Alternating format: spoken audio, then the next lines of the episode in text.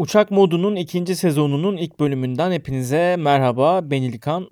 Birkaç aylık aradan sonra tekrar mikrofonun başına oturabilmek çok büyük bir mutluluk ve heyecan benim için. Umuyorum bundan sonraki süreçte e, şu an olduğu gibi e, çok fazla boşluk bırakmamayı arada umut ve ümit ediyorum kendi adıma. Neyse lafı uzatmadan habere geçeyim. E, Google'ın yapay zeka şirketi DeepMind ile ilgili hatırlarsanız eğer geçtiğimiz bölümlerde de bir haber vardı. İlk orada konuşmuştuk. E, yine aynı şirketin geliştirdiği enteresan bir yapay zeka gelişmesi var. DeepMind'ın yeni yapay zekası tarihçilere geçmişi yorumlamaları konusunda yani geçmişten kasıt nedir? Mesela antik Yunan'dan gelen eski bir yazıt. Bunları daha iyi analiz edebilmek adına tarihçilere yardımcı olabilecek bir yapay zeka geliştiriliyor.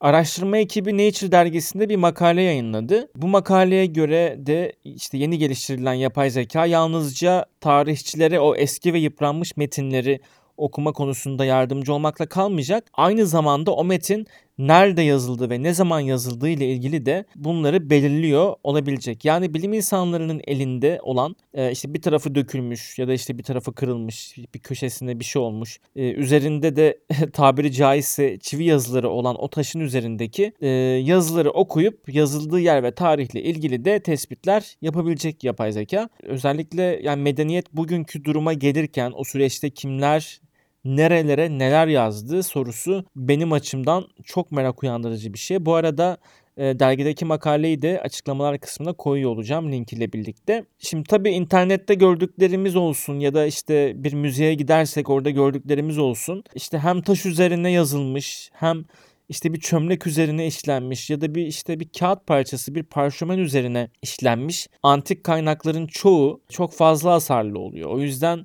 o metinlerin nereden geldiğini de belirleyebilmek ya da nereden nereye kaç kere taşındığını tespit etmek de çok zor olabiliyormuş okuduğum üzere. Bunların tespiti de normal şartlarda radyokarbon tarihleme yöntemiyle yapılıyormuş. Ama bu yöntem eserlere zarar verebileceği için kullanılmamaya çalışılıyormuş. O yüzden de yapay zekanın bunu e, tespiti için işbirliğine gidilmiş demek mümkün. Şimdi tabii her şey güzel, haber heyecan verici ama burada yapay zekanın bunu nasıl bir yöntemle yapabildiği sorusu da var. Araştırmacıların ilk adımı burada eski Yunan yazıtlarının en büyük dijital koleksiyonuna sahip olan PHI yani Packard Humanities Institute'un veri tabanı yani bu da yaklaşık 35 bin yazıt ve 3 milyondan fazla kelime anlamını geliyor. Bunların hepsi PHI ML olarak adlandırılan makine tarafından uygulanabilir bir metne dönüştürülüyor ve yapay zeka bu yazıtlardaki kelimelerin eksik harflerini tahmin edebilmesi için eğitiliyor. Yapay zeka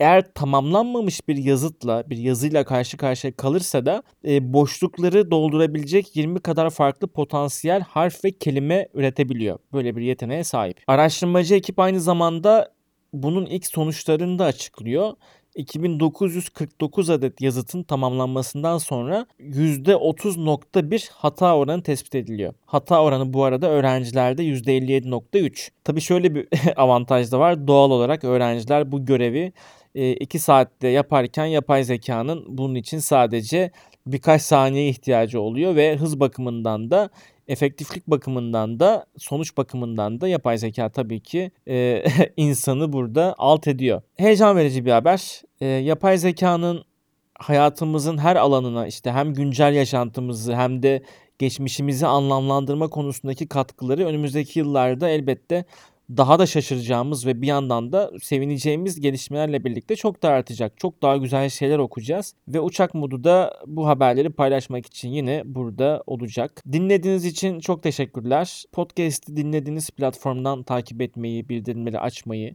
Ayrıca sosyal medya hesaplarına da destek olmayı unutmayın diyorum bir YouTuber edasıyla. Hoşçakalın diyorum.